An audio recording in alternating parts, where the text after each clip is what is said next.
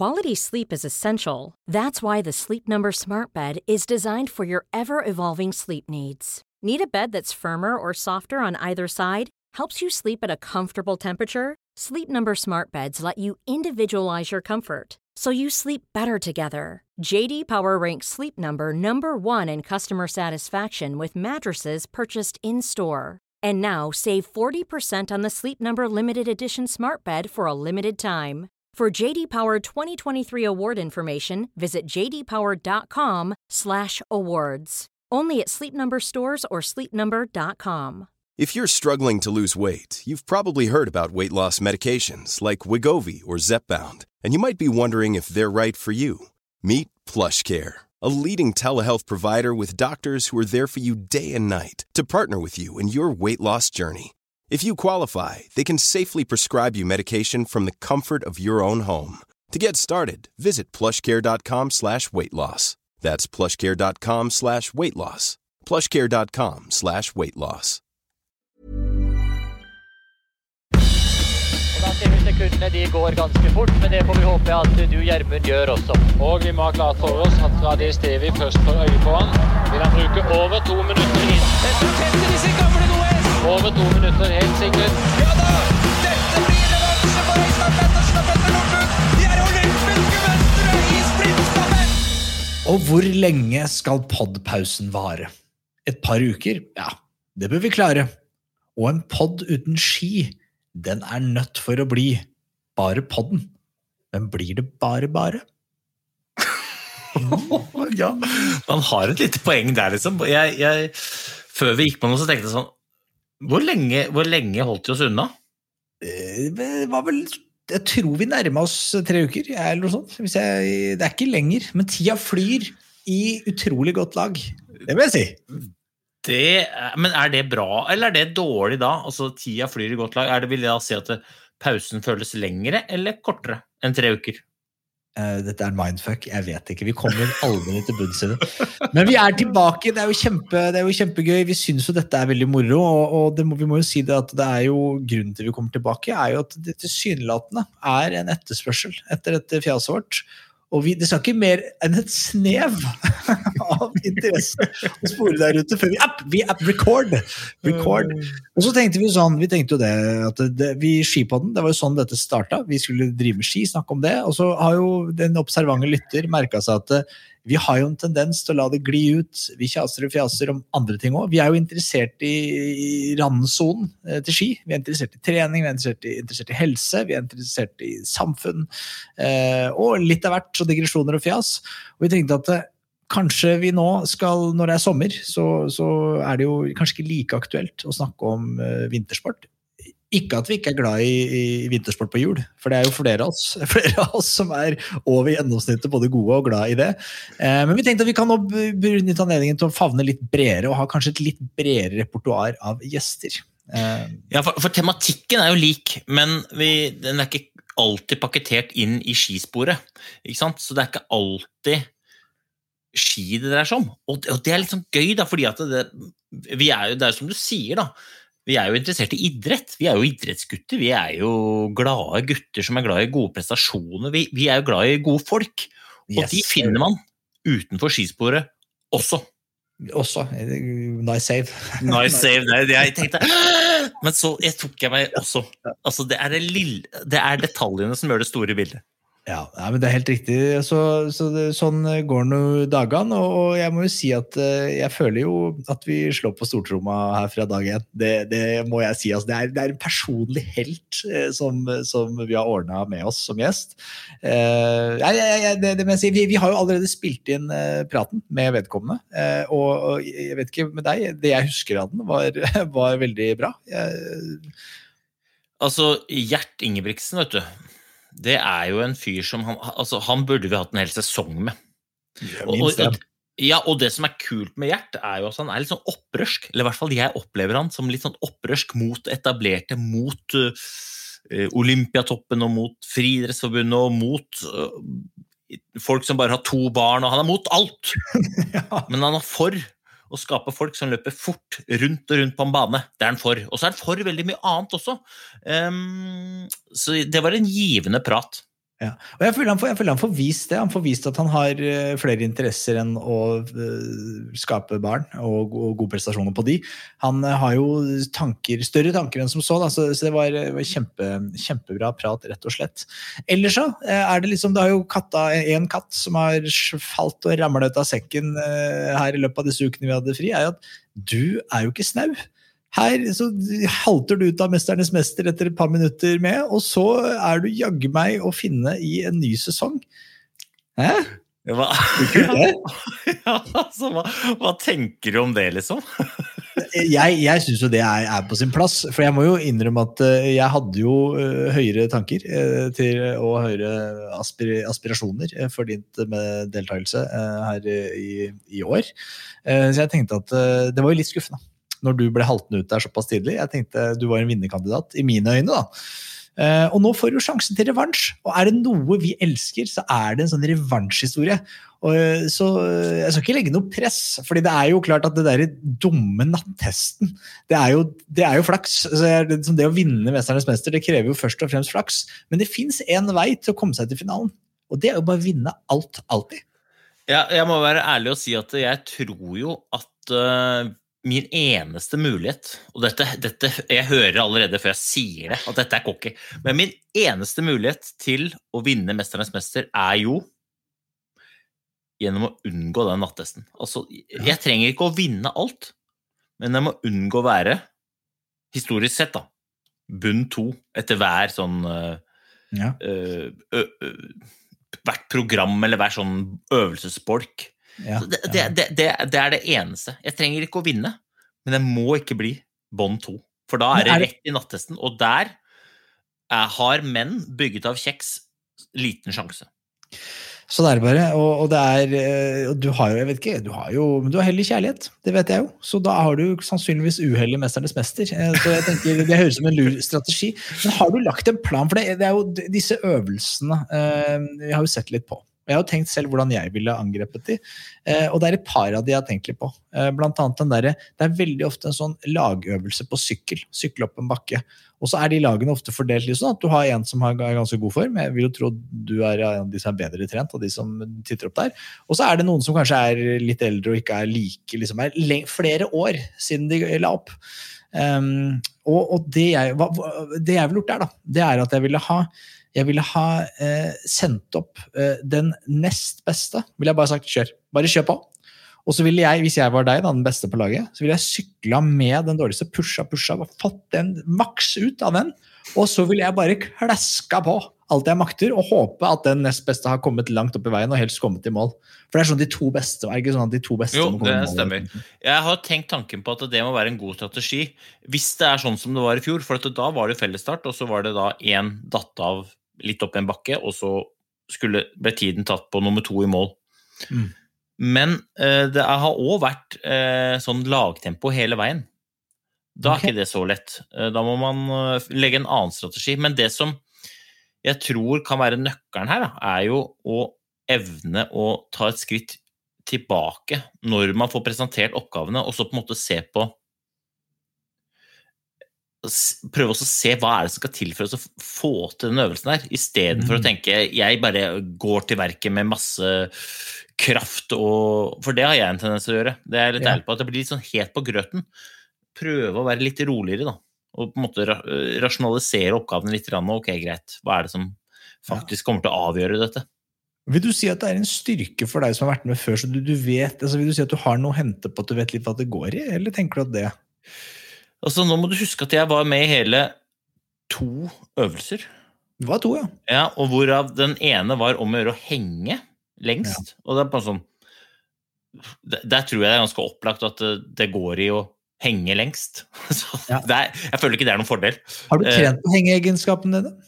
Uh, nei, jeg henger mye rundt sånn til daglig, da. Du hva, jeg, så, jeg så det der Instagram-bildet der hvor du var ute og jogga i baris. Den ryggtavla, den har blitt, det er blitt trøkk i den. Ja, det har skjedd noe der. Spread the rumors, spre ryktet. Altså, det er jo, dette er jo styrkeprogrammet mitt, ikke sant? Eh, ok, det- er dårlig, men ryggtarva, den blir det trøkk i. Eh, så, men jeg har ikke hengt så mye, jeg har ikke det. Eh, men, men jeg er ærlig på at jeg gleder meg, da. Eh, Og Jeg brukte litt tid på å svare um, om jeg ville ned eller ikke. Men hovedgrunnen til at jeg sa ja, det er jo ikke at jeg er interessert i å vise det norske folk at jeg eventuelt er god eller dårlig i de ulike øvelsene, men det er jo for å få muligheten til å ja, altså, Det blir jo en slags eh, skipodden eller podden hver dag, da, hvor du treffer altså ni idrettsutøvere som på hver sin måte har jobba med de tingene som jeg syns er aller artigst. Altså jeg, jeg, er så interessert i de fasettene som ligger bak det de har skapt. Hvorfor, hvordan, hva, når, hvem. Liksom, alle de tingene der sånn, de har lyst til å få tak i. Så dette kommer til å bli dritbra. Jeg gleder meg til det. Dritspennende. Det er mye, mye, så det er mye kule folk. Mye bra folk med i år igjen. De, jeg synes de er gode. Gode på å finne, finne interessante og kule folk. Fra, fra, som du sier, fra helt ulike grener. Så det Ja, samtidig som det er nok et tegn på at de begynner å skrape bunnen av kjelen når de inviterer en fyr to ganger. Ja, det er klart. De er desperate. Litt desperate har de jo blitt. Men uh, en av mine favoritter i år, det er han, der, han rally, han Tommy Rustad. Han tror jeg blir Jeg vet ikke hvor god kondis og styrke og hvor god han er til å henge, men jeg tror han er en gøy fyr. Og jeg tror han er jævlig god til å kjøre bil. Så hvis det blir noe sånn der, det, er, det, er det noen biløvelser? Det er kanskje ikke det? Feil program? Nei, altså det har aldri vært uh, biløvelser. Men det er klart, uh, jeg er åpen for hva som helst. Og de vet jo beviselig at hvis det er puslespill, så blir jeg skada. Så det kan godt hende de legger inn noen rolige biløvelser. Han må ja. orke å trykke på gassen og bremsen, denne fyren, liksom. Ja, det... det, vet jo ikke. Men jeg, jeg, gleder meg jo altså jeg gleder meg til å bli kjent med alle. men jeg tror den største hurragutten ja. i gjengen er Lars Bohin. Lars Bohin? Ja, for vi traff hverandre. Jeg har aldri truffet uh, Lars uh, i sivilt, men jeg har truffet Lars én gang før. Ja. Selvfølgelig på et annet realityshow, 'Fangene på fortet'. Og ah. fyren er altså et fyrverkeri, ikke sant? Og han, når vi kom dit altså Han var altså så brun jeg tenkte altså eh, Han får, han får Dag Otto Lauritzen til å se ut som en albino. Altså, det var det, Han var altså så brun og god. Og nå har jeg begynt å få Nå har vi oppretta sånn app eh, eller sånn WhatsApp-gruppe. ikke sant? Og nå får jeg svaret på hvorfor. Han driver og går oppe i fjellet oppe i Ålesund der, oppe i, oppsøker enhver liten snøflekk for å få refleksjon fra solen i snøen. Og han er bare han er så grilla! Det høres, ut som, eh, det høres ut som det blir en fryd for øyet, det, det, først og fremst, da, denne sesongen. Men eh, jeg gleder meg, jeg. Men, eh, nei, men det blir bra. Det blir bra. Vi, vi heier på deg, du, så, så, vi håper jo at du tar uh, ta seieren hjem. Eh, men, eh, men, vi innser at det er litt flaks som må til. Altså, vi ønsker deg alle lykkeønskninger. da skal vi bare knekke i gang. Ja, ja vi, gjør, vi, gjør, vi, vi, glemte å spørre. Jeg er jo så spent på hvordan det går med deg. Og sist vi hørte fra deg, så var du så fornøyd med både 3000-meteren, eh, at dette syntes var gøy, du skal løpe mer, og du hadde kjøpt deg romaskin. Dette er gøy, jeg skal ro mer. Hvordan går det med løpinga og roinga?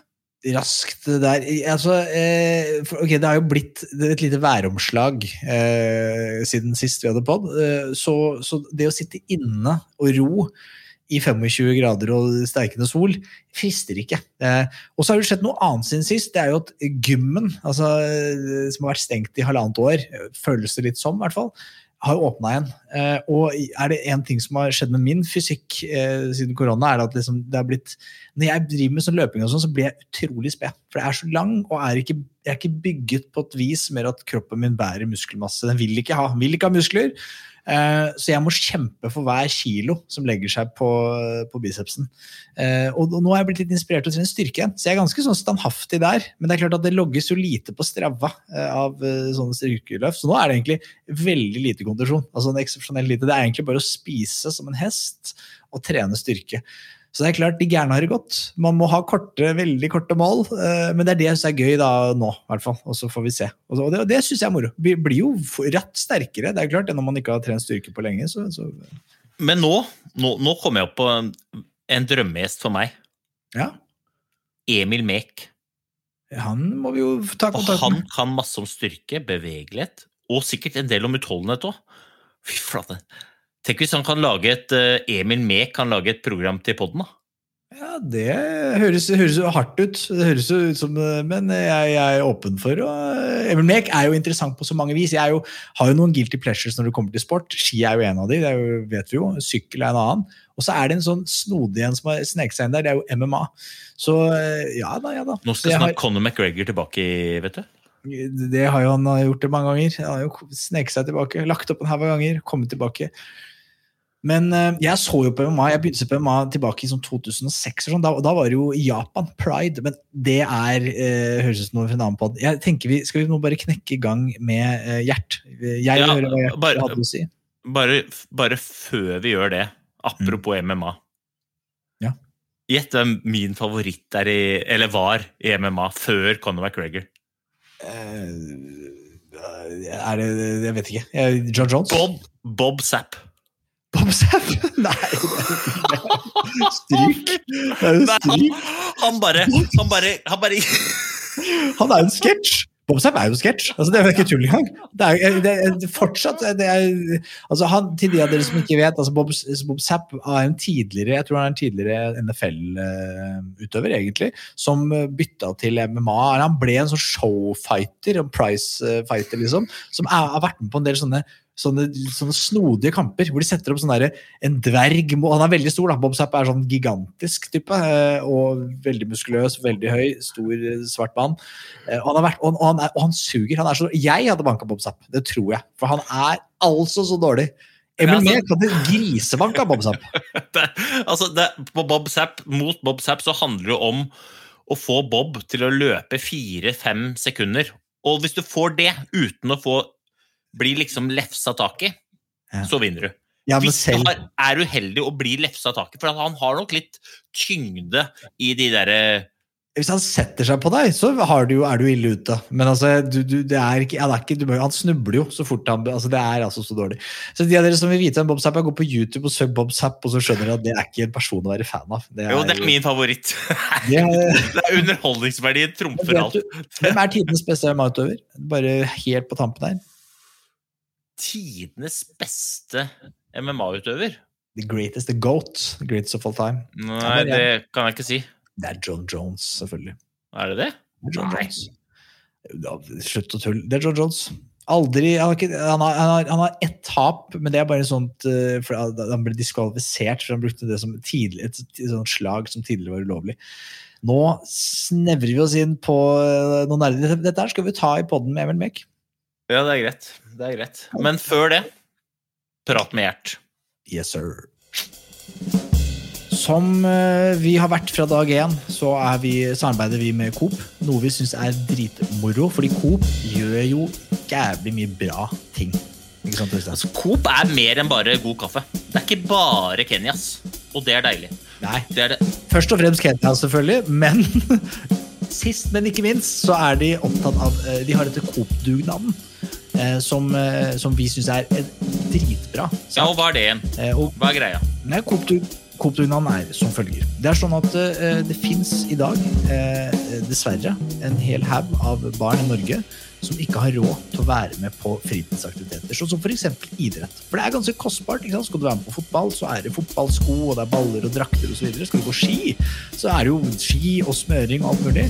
Eh, og vi vet jo det sånn at, eh, at de barna som ikke deltar på fritidsaktiviteter, de, de kan falle utenfor. Eh, og, og korona har jo vist hvor sårbare man er. Når man stenger for fritidsaktivitetene, så sliter barn psykisk. Og dette her er, det er kjempeviktig sak da, om måten Coop-dugnaden fungerer på. Det er sånn at du og jeg, vi kan, og alle som hører på, kan være med å bidra. Og det gjør vi gjennom å kjøpe produkter i en produktserie som heter Englamark, som man har i alle Coop-butikker. Og Englamark det er en sånn økologisk produktserie med produkter som er minst like gode, jeg vil si bedre, enn de andre produktene. Ikke noe dyrere. Men forskjellen er, når vi kjøper et Englandmark-produkt, så går noe av de pengene til, eh, til eh, Coop-dugnaden, som igjen da, eh, sammen med Røde Kors, sørger for at disse pengene går til de familiene som trenger det. Og da får de hjelp, slik at de kan ha sine barn med på eh, fritidsaktivitetene, så de barna også blir inkludert. Er det noe som er viktigere Nei, enn det? altså det, er sånn, det er det som er poenget her, at det fins faktisk ikke én eneste god grunn til å ikke kjøpe Englamark-produkter når du er i Coop-butikken. Fordi at det da, i tillegg til å spille deg sjæl god gjennom å spise sunt og godt og økologisk, så gir du penger til noen som trenger det enda mer enn oss sjæl. Og det er det mest bærekraftige vi kan gjøre. Altså, glem det. det få det på. Coop-dugnaden. Jeg hyller det, og jeg skal støtte så mye jeg kan.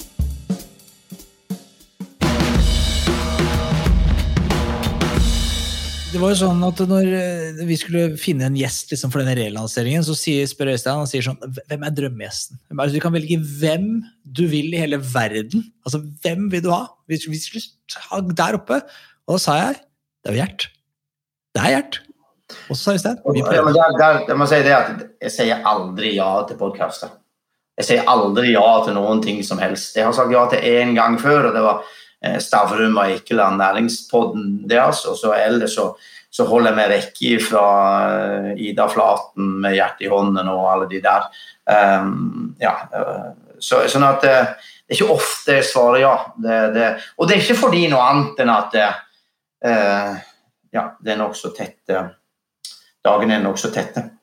Så, så søndag, så søndag kveld er liksom forbeholdt um, gjennomgang av treningsprogram for guttene de neste ukene, eller neste periode og neste uke. Så det, det, da sitter jeg stort sett dypt konsentrert om treningsprogram. så da, da, da men nå, jeg, jeg, jeg trodde jeg skulle klare å bli ferdig til halv ni, men jeg, men jeg, jeg har ikke greid å bli ferdig ennå. Jeg da tar jeg meg en runde i morgen tidlig. Det er ikke verre enn det.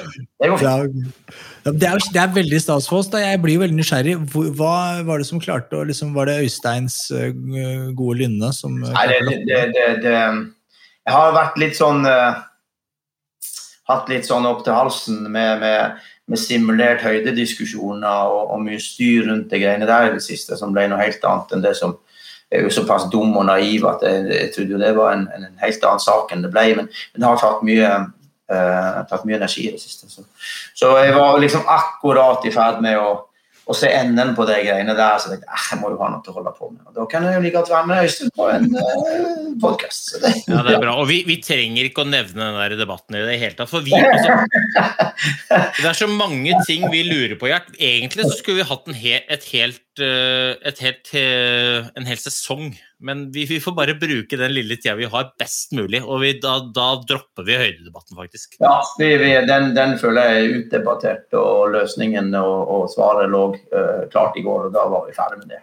Heldigvis, så da må vi gjøre andre ting. Mm. Ja, men, men, men vi er nysgjerrig på deg, altså på Gjert, og vi, vi vet jo litt om deg. Men jeg tenker liksom, hvis du spoler litt tilbake, hvis vi kan litt sånn tilbake i tid, fordi du har jo ikke alltid, i hvert fall vært en, så vidt jeg vet, en stemme i norsk eh, toppidrett. eh, Og man, du kom jo litt eh, ut av det blå med at du hadde i hvert fall en, først og fremst én sønn, og så kom det jo flere etter hvert, som begynte å prestere på et veldig høyt nivå. Og, og det er liksom hvordan som vi har snakket om, hvordan, du, hvordan fikk man kunnskapen? Altså det å liksom ville bli skiløper Øystein sa det, skal bli skiløper i Norge i dag, da snakker man med det Skiforbundet. og Det er noen, det er lett å finne kunnskapen om det, men skal du bli på en måte mellomdistanseløper på elite verdensnivå i Norge, hvor går man? Hvor starter man? Nei, vi, vi gikk jo på ski først, så vi hadde jo på en måte prøvd litt det der å gå våre egne veier. eh, og gikk totalt på tvers av alt som gjaldt eh, Når det gjaldt skiløpingen, så lukter vi øyne og ører for all kunnskap som fantes. Så tenker jeg nå skal vi prøve å finne opp det hjulet helt for oss sjøl, med utgangspunkt i rulleski. Og så gjorde vi det Henrik, noen år, og så, og så, og så fant vi ut at vi, vi, vi, kunne, vi var flinke på samarbeid. Altså Vi samarbeidet veldig godt, og vi var et veldig bra team i forhold til at vi, vi, vi fikk bra resultater. Og så, og så, fikk, eh, så fikk jeg og kona mi fryktelig mange barn på fryktelig kort tid. Eh, Og da, da kutta vi det skigreiene, for da hadde jeg ikke kjangs om å være med lenger. Så da, da hoppet jeg av hele det der det, det, idretts... Jeg er jo ikke, så, jeg er ikke interessert i idrett, så jeg, driter jo egentlig i idretten. Men, men, men jeg er veldig opptatt av barna mine. Så da når Henrik da kom til meg på et tidspunkt der han hadde eh, lagt skiene til side og så begynte å løpe, og så hadde han en trener i et lokalt idrettslag her, og så sier han til meg at det, der var ikke godt nok. Kanskje vi tar opp igjen tråden etter de skigreiene? Du må jo klare å trene folk på å bli gode løpere òg, du, pappa.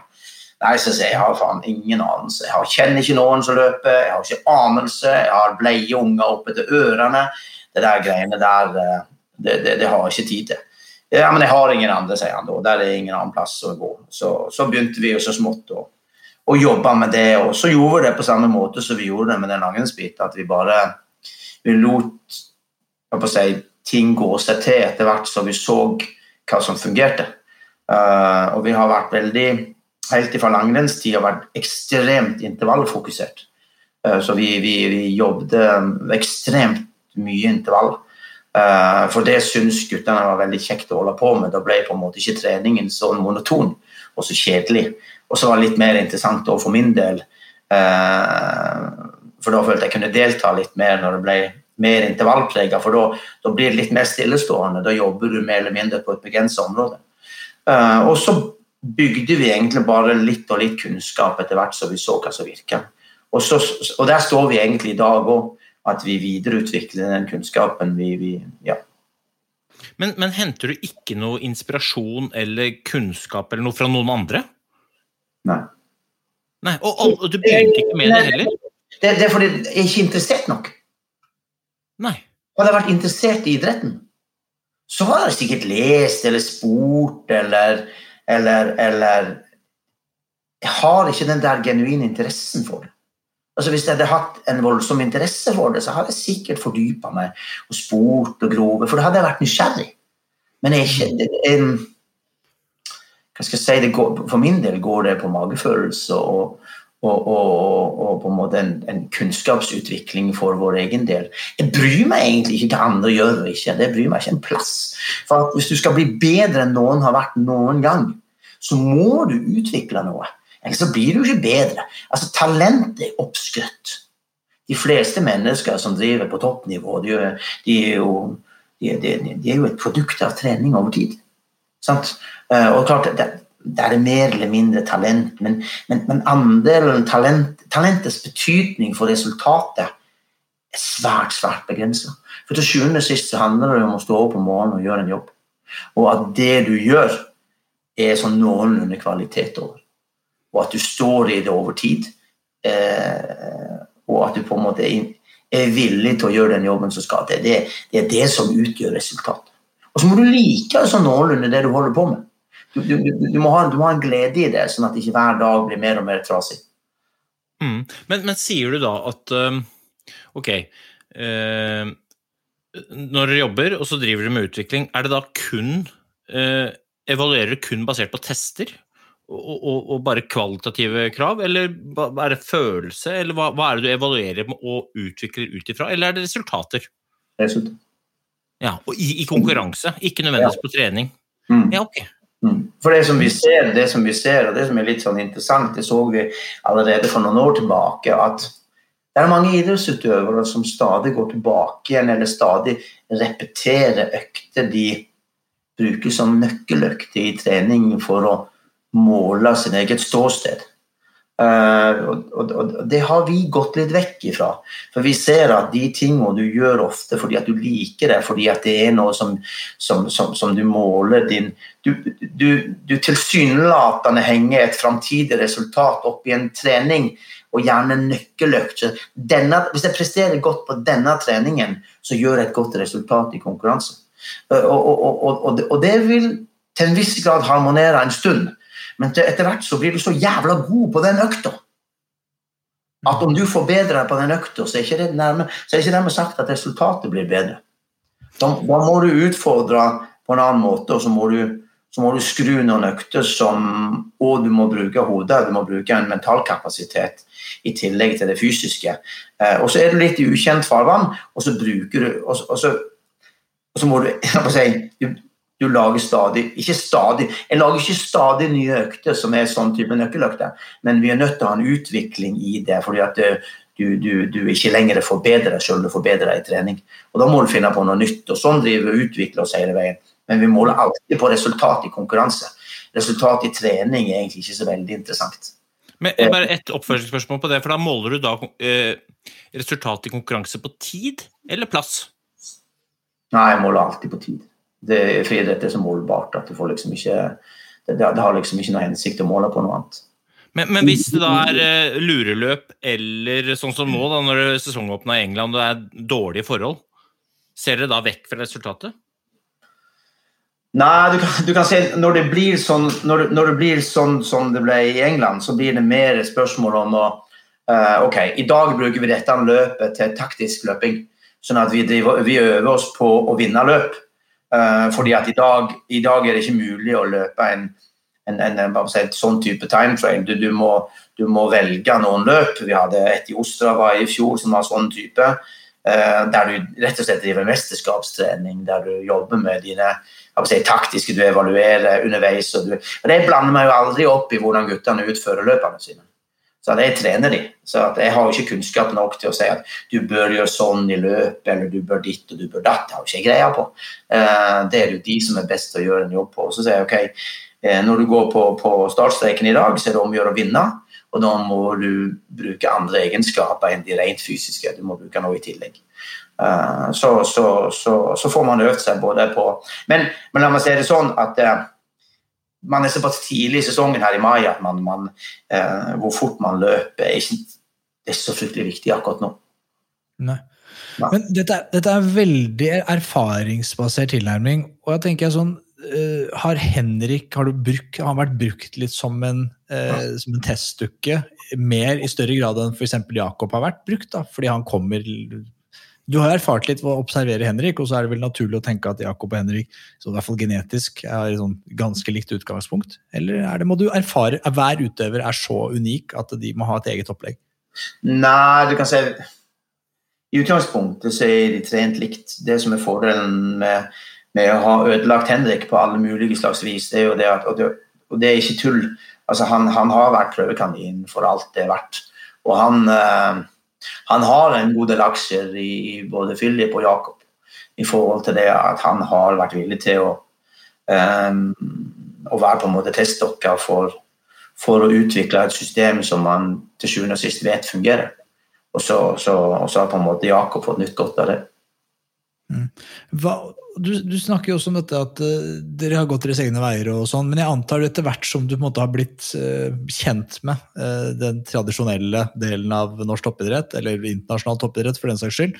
Så- Ingen anelse, men hva, hva, hva, er din opplevelse at skiller din, altså Gjerts treningsfilosofi, fra de andre?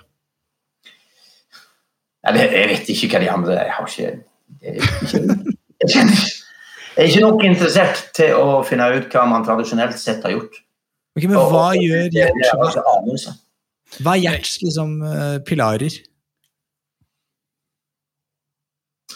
Vi, vi, vi I utgangspunktet, i, i ung alder, for å si det sånn, hvis vi starter med en, en 12-13-åring, så, så, så er det primære å la kroppen få lov å utvikle seg i den takten han var ment å utvikle seg fra naturens side. Eh, At du blir så stor og sterk som naturen har planlagt at du skal bli. Vi gjør aldri noen ting for å påvirke eh, et menneske sin fysiske naturlige utvikling, verken gjennom ernæring eller type trening eller noe sånt, men det vi sørger for, det er å trene motoren bra. Sånn at det er motoren som i hovedsak blir trent gjennom de ungdomsårene fra de er 12-13 til de er 17-18 år, så er det motor, motor og motor. Ikke, ingenting annet. Ikke styrketrening eller, eller eh, sprinttrening eller spesifikk trening. Det er motor og motor og motor. For klart, når, når, når, du da blir voksen eh, og Hvis du lar lunge og hjerte få lov å utvikle seg i takt med kroppen din, så blir de så store som de kan bli. Det er for sent å begynne å herje med det når du er 20 år gammel og sier å faen, jeg skulle hatt noen større lunge. Jeg skulle hatt et større hjerte. Da er det løpet kjørt, for da har du den ramma du har. Det nytter liksom ikke å putte en V12-er inn i en, eh, en bil så der det er plass til en, en, en firesylindra-motor. Det, liksom, det, det går bare ikke an. Alt det her må vokse i takt. Muskulatur kan du trene hva tid som helst i livet. Det kan du trene til du dør. Men, men, men hjerte og lunge, det, må du, eh, det har du den muligheten i den perioden du vokser. Så har du ikke noen mulighet etterpå. Det løper ikke. Er, er dette noe du har, har lest? Liksom, er, dette, er dette vitenskapelig basert, eller er dette en, en opplevelse du har erfart at dette er på den måten? Det, det, det Det høres veldig vitenskapelig ut. Det høres iallfall veldig logisk ut. Det er ikke sikkert det er sånn. Nei. Det vet jeg ikke noe om. Deg. jeg, jeg, jeg er jo helt enig med deg. Jeg husker jo at du Jeg hørte et intervju med deg en gang hvor du sa det at folk trener jo altfor hardt. mm. Mener du at for mange trener for hardt på øktene de gjennomfører? Altså, hvis målet er å bli så god som du kan bli, så, så, så er jo vi, vi, vi jeg, vet rett og slett ikke hvordan andre trener. Det kan godt være at det er sikkert flere veier til rom, men, men, men, men det vi prøver å unngå, det er at vi, vi, vi prøver å unngå Vi trener aldri all in. Det gjør vi aldri. Det skjer ikke. Vi har ingen økter der utøveren føler at han kunne ikke sprunget en millimeter fortere. Vi har ingen sånne økter. Vi har aldri det. Det skjer ikke. Det blir kanskje litt teknisk da, for den gjengse pod-lytteren, men jeg er jo interessert fordi jeg mener jeg har hørt at Jakob er litt skeptisk til å løpe økter med over to i laktat på trening, stemmer det? Ja, du kan si i snitt i, i, i, de, i, de, si, i åtte måneder i året så, så har vi én økt i uka der han har over to-to-og-en-halv i laktat. Uh, så i lange perioder og i si, 98% av treningen, så, så, så, opererer han. Du kan si, Det er jo fordi at han, han, har en kondisjon som gjør det mulig for han å løpe fryktelig fort med lav laktat. Uh, og hvis han skulle løpt terskel på de øktene, så ville det blitt for stor slitasje på, på, på, hele strukturen. så Derfor må, han, derfor må mye av øktene foregå. Så når han løper terskeløkt på morgenen, så har han stort sett laktat på mellom 1,5 og 1,7. Ja, så da, det du sier, er at i og med at han er så god som han er, eh, så vil dere holde laktaten nede, for hvis ikke så blir den muskulære intensiteten og belastninga for stor. Mens eh, ta jeg eller Hanso, da, vi kan ligge på fire på den samme økta, og ikke, at det ikke blir det samme fordi den muskulære intensiteten blir lavere. Ja, du løper ikke fort nok. Nei. nei. Det, blir en helt annen, det blir en helt annen ja, han er rett og slett eh, han er rett og slett bare så ekstrem at han har hatt en økt i dag som han han er en økt, og så sier han, så sier han hvis jeg ikke hadde gjort denne økta sjøl, så hadde jeg ikke trodd det var mulig for et vanlig menneske å gjøre den treningsøkta. Uh, så, sånn at det blir sånn hinsides Ja, det, det er så galt at det an. jeg, vil ikke høre det, for jeg, jeg, føler meg altså så dårlig. Vi, hadde, vi løp her eh, litt tidligere i våre, så hadde vi en, en 3000 meter hjert. Eh, jeg løp Nei, det er feil. Jeg spurta 3000 meter på 9.31. Altså, jeg hadde ikke halvt sekund igjen i skrotten. 9.31. Og så kommer jeg da i mål, og så tenker jeg at da har Jakob stått der i to minutter og venta på meg. Og det er sånn Det er altså, det er altså så sjukt å tenke på, syns jeg, at han løper så fort. Nei, Nei, jeg orker ikke, orker ikke å tenke på det. Men, men jeg lurer på en ting. Her. Men du vet, i dag så løper han 400 meter i en lang serie. Det vi snakker om en økt som varer et par timer, eh, og fryktelig mange 400 meter. Og, og, da løper han i siste serie så løper han 54, 53 og 52 på runden. Og det, og det, og det liksom, det, om du hadde spurta alt det du kunne i 200 meter, så hadde du ikke hatt fulle med. Det, det, du, snakker, du snakker jo med en mann som blir skada av å legge puslespill på TV, da, så jeg hadde jo ikke, jeg hadde jo ikke gått i det hele tatt. Men ett spørsmål, Gjert. Janteloven, har dere kjent noe på det? På reisa deres, og, og, hvilke forhold har du til den? Du kan si, Janteloven var mer tydelig for vår del for mange år siden. Nå, nå har janteloven i stor grad for vår del gått litt under jorda. For, for det er litt sånn at resultatet slår i hjel enhver argumentasjon. Uh, til og med når det kommer til janteloven. Sånn at de menneskene som nyter når det går til helsike, de, de, er der jo men, men, men, de holder seg stort sett i ro når, når, når, ting går bra, og den dagen ting ikke går fullt så bra, så er de, er de til stede. Men, men, eh, eh, vi merket han veldig for noen år tilbake. Det gjorde han. Jeg mener du husker at når du altså, litt for din del da, når du først kom og du hadde litt eh, dine egne filosofier og du trente disse guttene selv, og du hadde ingen bakgrunn og ingen liksom, formell utdannelse på området, så var folk litt skeptiske. Men så opplever jeg nå at det har endra seg helt. at jeg, du, jeg antar du blir nedringt av folk som har lyst på treningsprogram fra Gjert? Nei, vi har vært såpass åpne om vår treningsfilosofi at de, de fleste Og nå snakker jeg ikke bare friidrett, men, men, det gjelder orientering, det gjelder langrenn, det gjelder flere, skiskyting, det gjelder kombinert. At flere og flere går i den retningen som, som, som, som vi har. For, for, vi har på en måte i stor grad fortalt hva som er vår, som er vår grunnfilosofi i trening.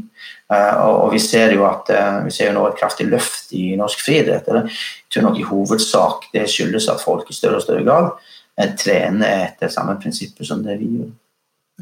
Og det, og det, det, det, det funker jo. Det er mulig at jeg, at jeg er dum og spør om det samme to flere ganger, men jeg, jeg, altså, hva er liksom den filosofien du snakker om her, det er, konkret? Det er jo at det er intensitetsregulert trening. Mm. Som gjør det mulig å løpe. Fordi, fordi at i, i, i, mange miljøer så har det med intervalltrening vært eh, gjerne assosiert med, med hard trening.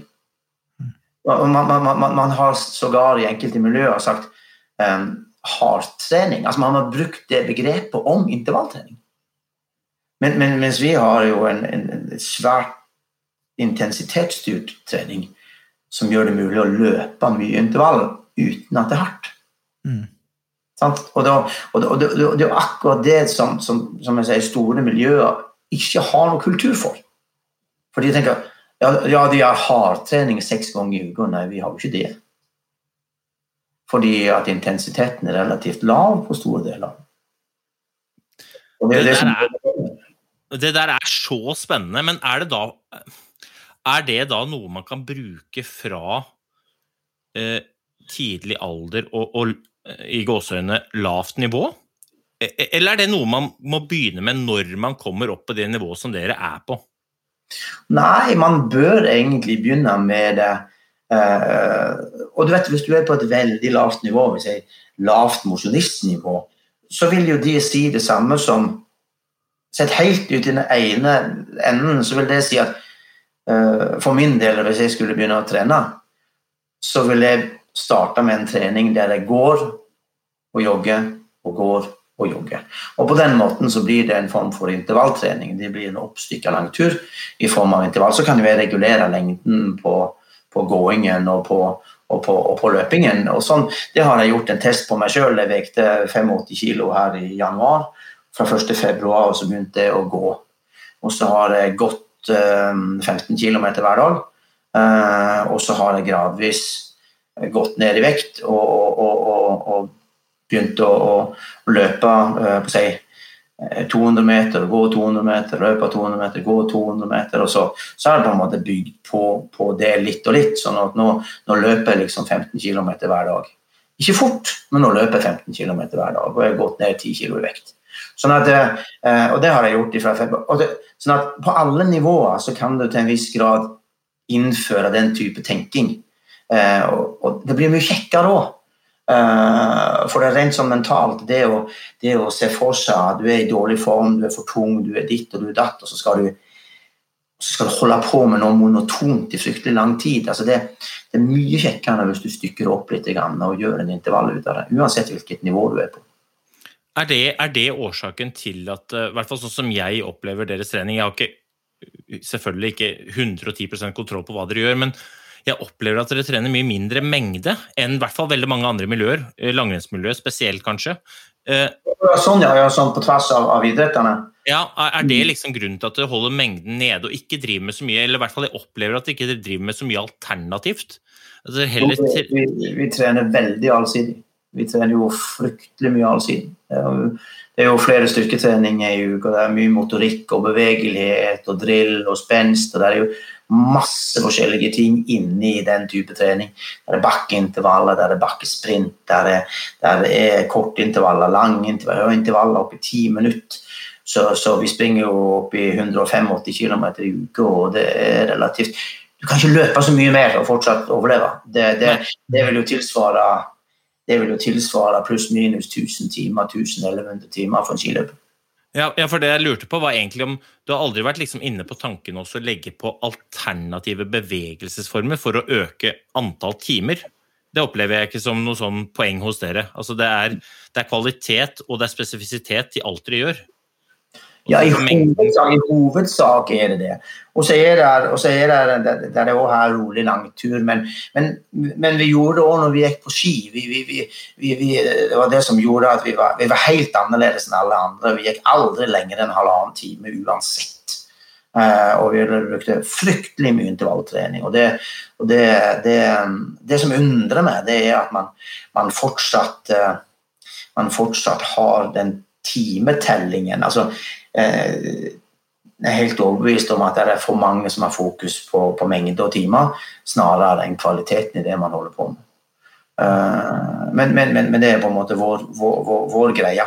Men, men noe særlig mer enn det vi løper, og bruker flere, altså, noe særlig mer timer enn det vi bruker, det, det, det tror jeg ikke det er så mange som gjør i verden eh, som driver med løping, med mindre de driver med ultraløping eller På den treningen vi gjør, så kan du fint løpe halvmaraton. Eh, det, det er liksom Ja. Vi spenner fra 800 meter til halvmaraton med den treningen vi gjør. Jeg synes Det var interessant det du sa, for dette er jo, det virker for meg som at denne filosofien den kan man applisere på egentlig alle kondisjonsidretter som fins. Eh, har du noen erfaring med noen konkrete eksempler på andre idretter som har tatt i bruk din eller deres treningsfilosofi, og så har de fått resultater? Fordi, som Øystein sier, mitt inntrykk når vi snakker med disse langrennsløperne, vi har jo møtt en haug av de gjennom hele vintersesongen, der er det rolig langtur på tre timer. Det er hver søndag. Det har de lært siden de, Bjørn Dæhlie gjorde det, og det gjorde sannsynligvis Gjermund Eggen. og Alle har drevet med det, og det er det man driver med. Og så er det noen vafler på Frognerseteren, og så er det god jul. Og så er det jo sånn at så lenge alle gjør det samme, så får man jo aldri noe benchmark. Man får jo aldri noe å sammenligne med. Eh, det skulle vært svært interessant om noen uh, torde å gå motsatt vei og være mer um, kvalitetsbevisste enn volumbevisste. Eh, og det, det um, Uten at man nødvendigvis skal gå i kjelleren hele tida. Altså man, man, man eh, ja, det skulle vært veldig interessant hvis noen var villig til å prøve en sånn type filosofi sett opp imot eh, den, den uh, tradisjonelle. Jeg tror, jeg tror Aukland-brødrene er litt borti den tankegangen. Jeg har iallfall fått noen meldinger fra Anders. Og, ja.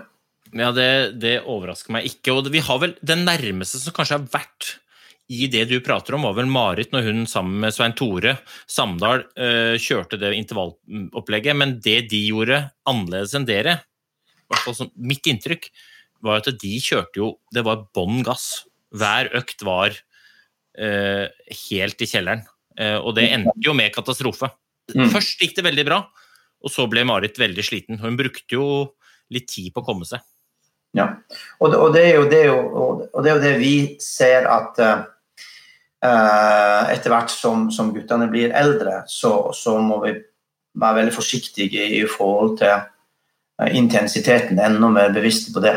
Fordi at det skal ikke så mye til i, i, i, i- fra du passerer 27-28 år at du, at du du, du, du klarer ikke å hente deg inn igjen, du klarer ikke å restituere deg. Så det, du har noen sånne gullår fra du er 18-19 til du er 4-25, der du stort sett kan eh, mye holde deg på samme intensitetsnivå uten at du får restitusjonsgjeld. Men, men når du passerer det, det kommer an på hvor lenge du har holdt på, selvsagt, og hvor hardt du trener. Men etter hvert som du blir eldre, så må du være mer og mer bevisst i forhold til at du får restituert deg godt. Kan det være, vi om langrenn her, at det kan det være en russer med navn Bolsjunov? som Det ryktes jo, Ingen vet jo, eh, virker det som, hva han driver på med, men ryktet sier at det er mye annerledes type intervaller og mye intervalltrening. Gjør det ikke det, Øystein? Jo, han trener jo i hvert fall mye mer kortintervall enn det de norske løperne tradisjonelt gjør. Jeg, jeg, jeg opplever jo at hans trening kanskje er mer retta mot arbeidskravet i moderne langrenn, gjennom at det er mye Det er jo, det er jo veldig høy fart i de korte bakkene som er, og så henter han seg inn igjen, og så er det på igjen på nytt. Da. Mens den norske tradisjonelle metoden er jo lange drag eh, på terskel, gjerne motbakke. Mm. Men eh, dette vet jeg jo ikke 100 så det skal jeg ikke påstå sikkert. Det kan vi få Hans Christer Holund eller noen som bekrefter eller avkrefter. Mm, mm. Og, og jeg, jeg skulle jo likt å visst hvilket spenn man eh, enkelte miljøer har når det kommer til laktat.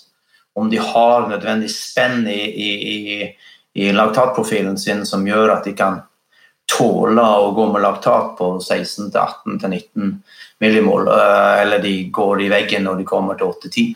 Eh, det ville være helt, eh, helt avgjørende for å prestere i det hele tatt. eh. Ja, ja, for i hvert fall, hvert fall sånn som langrenn har utvikla seg, så endrer jo arbeidskravet seg veldig. Det er klart at Hvis du hadde trent den samme treninga som Dæhlie og Ulvang gjorde nå, så hadde det jo vært sjanseløst fordi at arbeidskravet har endra seg. Så det der er spennende. Men jeg lurer på en ting, eh, Gjert. Og det, det går med, egentlig mer på kultur. Altså, hvor mye av deres resultater er den kulturen som dere har skapt? Og hvor mye tenker du at det er folk som ikke nødvendigvis lykkes så godt, hvor, hvor mye av svaret der ligger i kultur?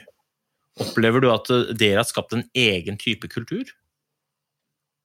Det er vanskelig å si, for igjen, jeg kjenner ikke godt nok til andres kultur. Men vi, vi har aldri noensinne stått med lua i hånda noen plass. Vi har alltid bestemt oss for at vi skal stå for noe, og vi skal ikke føle mindreverdighet fordi at vi kommer fra en tradisjon som ikke har vært konkurransedyktig på, på, på, på det vi ønsker å være konkurransedyktig på. Uh, og, det å ikke føle seg mindreverdig, det å ha en kultur som gjør at du, du er stolt av det du presterer, du er stolt av det du gjør, du har en stolthet i det du gjør, uavhengig av alt. At, at, at du, og det gjør at du våger mer, du tør mer. Du tør å stikke fram hodet, og du tør å si at jeg skal bli um, jeg skal bli blant verdens beste løpere, om ikke verdens beste løper. Du tårer å trosse janteloven, og du tør å gå si, veier som ingen andre har gått før. Og det, akkurat den der, altså den kulturen Jeg skal, si, skal ikke si vi har skapt den kulturen, for den finnes jo i, i mange andre sammenhenger òg, men uh, det som er hos oss, er at han er ikke individuell. han er på en måte, Selv om kollektivet ikke er så stort, så, så er det en, et kollektivt mot. Uh, der man tør å stå på en startstrek med 80 000 mennesker på tribunen og tro at man kan konkurrere med de beste i verden. Og, og, og det gjorde Jakob når han var 16 år. Da sto han i, i London i VM. Um, og Henrik gjorde det i OL i 2012. Har aldri vært i nærheten av det. Og det å ikke, å ikke være hva skal jeg si, å ikke ha den frykten for det som møter deg, det å ha den selvtilliten som skal til for å tørre å gjøre det, det er den, si, det er noe vi jobber med fra relativt tidlig alder. At hvis du skal ha noe der ute å gjøre, så må du stole på deg sjøl, og du må tørre å være der. Fordi at de fleste blir så ødelagt av frykt at de, de egentlig de, de, tør ikke stå på startstreken, egentlig. Eh, du må nesten dytte dem fram til start. Og det, da, da, da, vil du alltid slite. Men jeg føler ikke Øystein, at det har vært noe du har slitt med. Eh, Nei, eh, eller det er en sannhet med modifikasjoner, fordi at jeg òg kjenner på den der frykten. Frykten for å mislykkes, frykten for hva folk syns om meg. Når jeg var på mitt beste, eller når jeg fikk satt på måte, perspektiv på hva det vil si å, å mislykkes, så var jeg veldig uredd. Og da var jeg alltid veldig tøff og turte å gjøre det jeg hadde bestemt meg for å gjøre, uavhengig av hva de andre hadde bestemt seg for å gjøre. Men jeg har hatt konkurranser hvor jeg står på start og tenker dette kommer til å gå det, ditt uh, høna sparker. Og, og, kun basert på hva jeg tror alle andre ser på meg som, og mm. hvordan jeg ser på alle andre.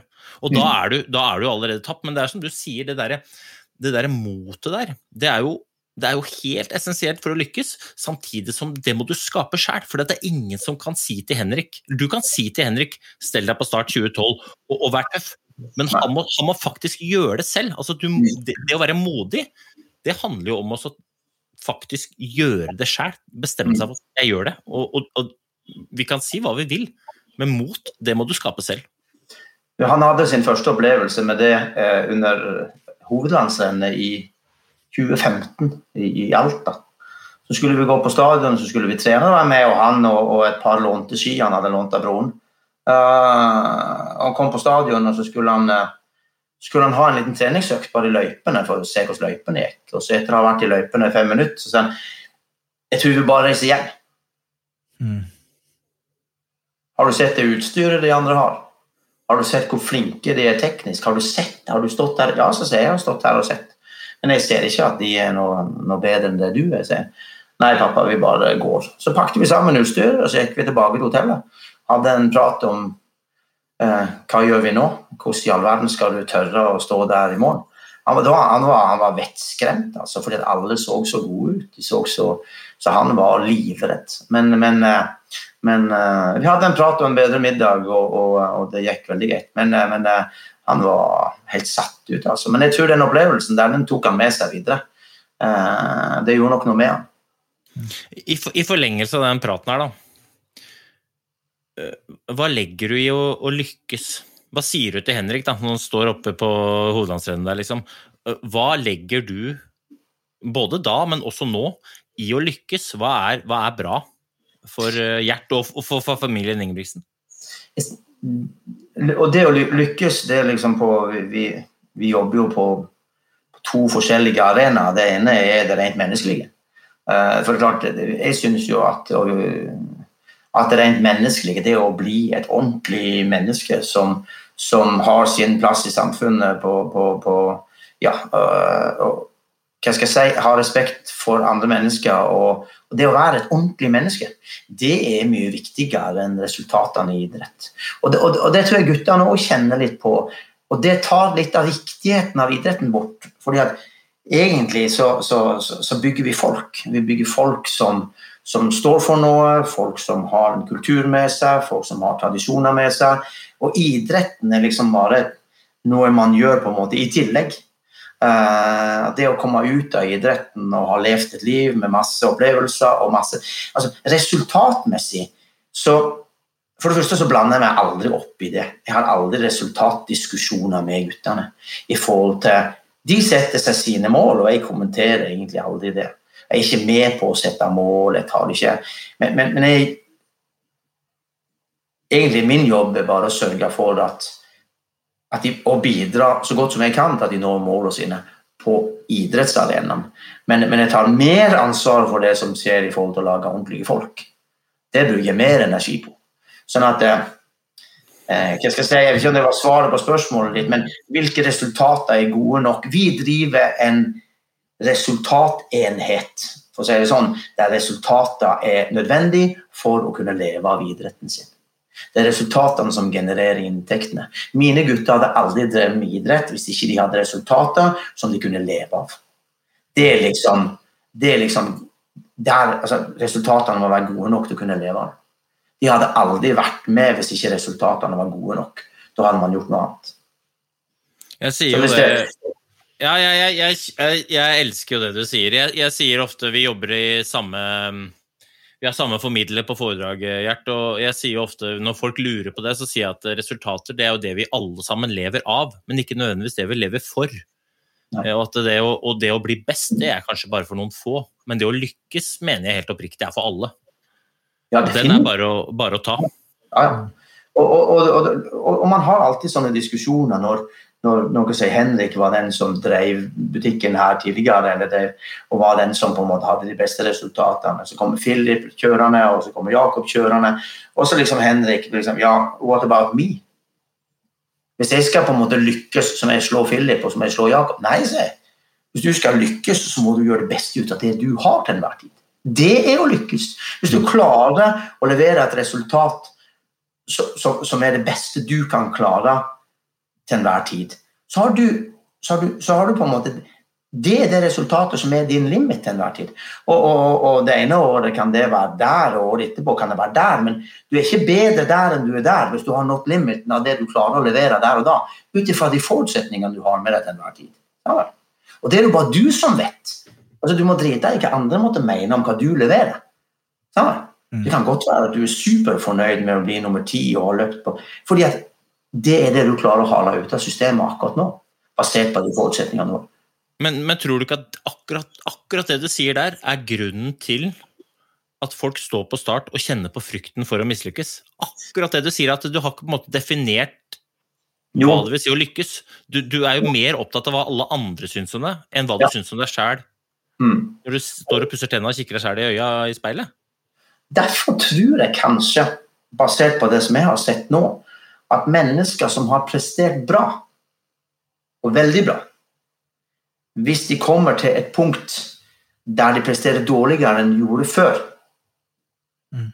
så tror jeg nok de sliter mer med frykten enn de som kommer nedenfra og er på en måte i hele veien i en utvikling, de vil, de vil kanskje ikke slite sånn med frykten. Og, og, og, og kanskje for, som nevnte Marit i stad, når hun hadde gått på den stjernesmellen i trening. Sånn at, sånn at og, Jeg tror i en god periode etterpå så ble hun og hennes prestasjoner farga av frykten hennes for å ikke prestere, hvis du skjønner. Mm. jeg, jeg, jeg, skjønner. og, og, og, før, og, liksom, hun måtte liksom komme seg over den kneiken både i forhold til sin egen frykt og i forhold til selvtilliten hun hadde med seg fra trening. Sånn at jeg tror ikke hun var feiltrent i alle de årene hun underpresterte. Jeg tror frykten ødela en god del av det i tillegg. Og det, det er en vanskelig balansegang. det der.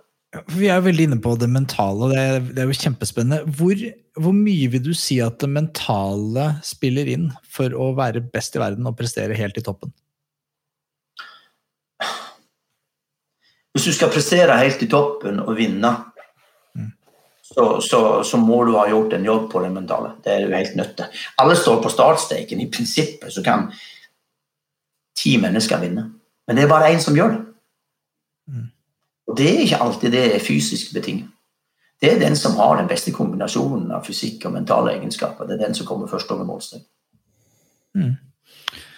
Nei, det er, spennende. Vi, vi, vi holder på det. Vi kunne jo hatt en sesong med deg, Gjert. Men bare noen, noen, en siste ting jeg har lyst til bare Dette er et tema som kanskje det er Man kan snakke mye, men jeg, jeg klarer ikke å la være. For det er jo sånn at eh, konkurrentene som eh, dine gutter har, de kommer jo primært, iallfall de største konkurrentene, kommer fra det afrikanske, afrikanske kontinent.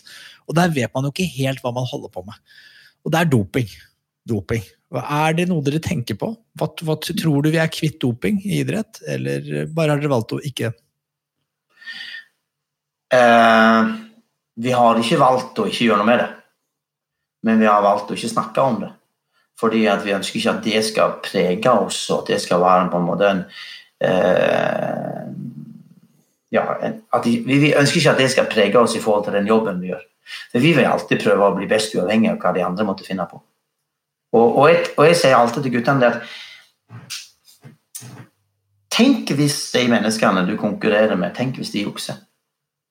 Og du allikevel er der og puster i nakken. Tenk hva de kjenner på. Så vi var i VM i Doha i 2019, og så sto alle guttene på startstreken på 5000 meter i finalen i, i VM. Og så når de leser opp navnet på dem, for da står de på sida av hverandre på startstreken, så leser spikeren på stadion leser opp navnet på dem, og da buer da buer 20 000 afrikanere i den ene svingen. Det er litt spesielt. Sant? Og det, det, det, for det første så er det jo jævlig ufint, men, men, men det betyr jo at du blir lagt merke til. På en måte som at du, du på en måte du er en trussel for det etablerte systemet, uavhengig av hva de måtte holde på med. Og bare det å være en og bare det at de kjenner på at du er en trussel, syns jeg er mer enn godt nok prestert. ja, det- Vi elsker deg, Gjert. Vi elsker deg. Du preacher jo til uh, koret ditt. Uh, siste før vi lar deg gå, så er det kommet noen spørsmål på Instagram. Det er jo sånn det har blitt. Det er noen som har eh, noen spørsmål her. Uh, Et spørsmål som veldig mange har stilt, det er hvordan er Gjerts egen treningshverdag? På denne tida av året så, så um, jeg har gått ned i, i stilling, sånn at jeg i deler av året, halve året så jobber jeg 80% og halve året så jobber jeg vesentlig mindre. Og året, den delen av året som jeg jobber vesentlig mindre, så stenger jeg PC-en klokka 11. Og da surrer jeg på meg skoene, og så går jeg ut og trener i tre timer. Uh, og så er jeg ferdig med det, så eh, jobber jeg litt til og tar imot min lille min minste sønn og hjelper han med leksene. og, og ja, så får jeg trent fysisk eh, litt for meg sjøl, og når han kommer hjem, så må jeg trene hodet litt for å hjelpe ham med leksene. Så jeg får trent både hodet og Men, men, men jeg er jo, jeg er jo en, en del ute med, med, med guttene på trening, sånn at eh, dagen, dagen blir ofte veldig lang. Mm.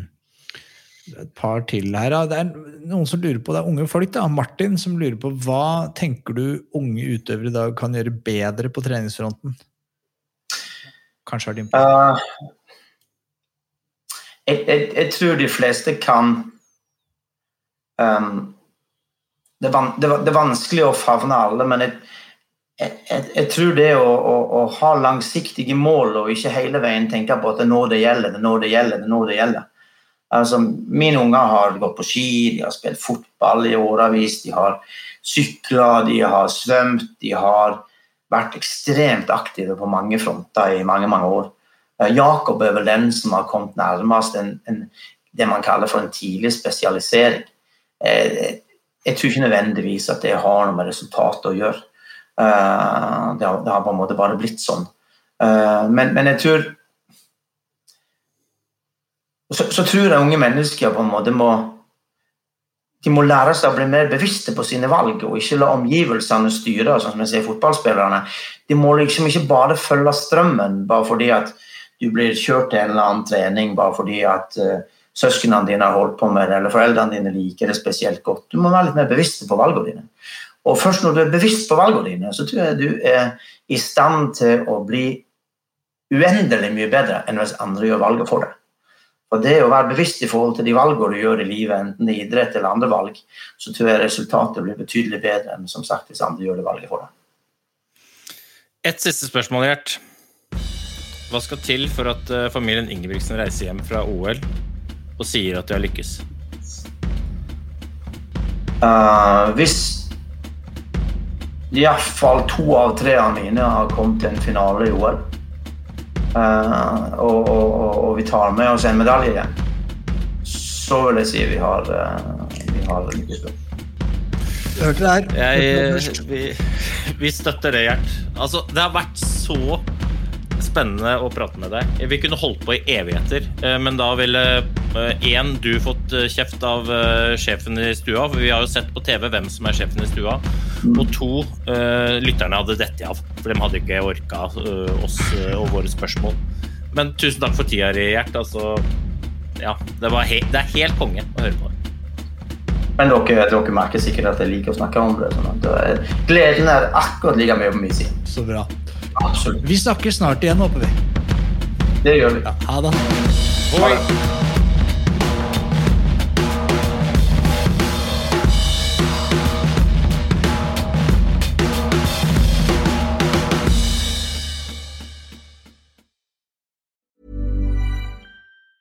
Even on a budget, quality is non-negotiable. That's why Quince is the place to score high-end essentials at 50 to 80% less than similar brands. Get your hands on buttery soft cashmere sweaters from just 60 bucks, Italian leather jackets, and so much more. And the best part about Quince, they exclusively partner with factories committed to safe, ethical, and responsible manufacturing. Elevate your style without the elevated price tag with Quince. Go to quince.com slash upgrade for free shipping and 365-day returns. Planning for your next trip? Elevate your travel style with Quince. Quince has all the jet-setting essentials you'll want for your next getaway, like European linen, premium luggage options, buttery soft Italian leather bags, and so much more. And is all priced at 50 to 80% less than similar brands. Plus, Quince only works with factories that use safe and ethical manufacturing practices. Pack your bags with high-quality essentials you'll be wearing for vacations to come with Quince. Go to quince.com slash pack for free shipping and 365-day returns.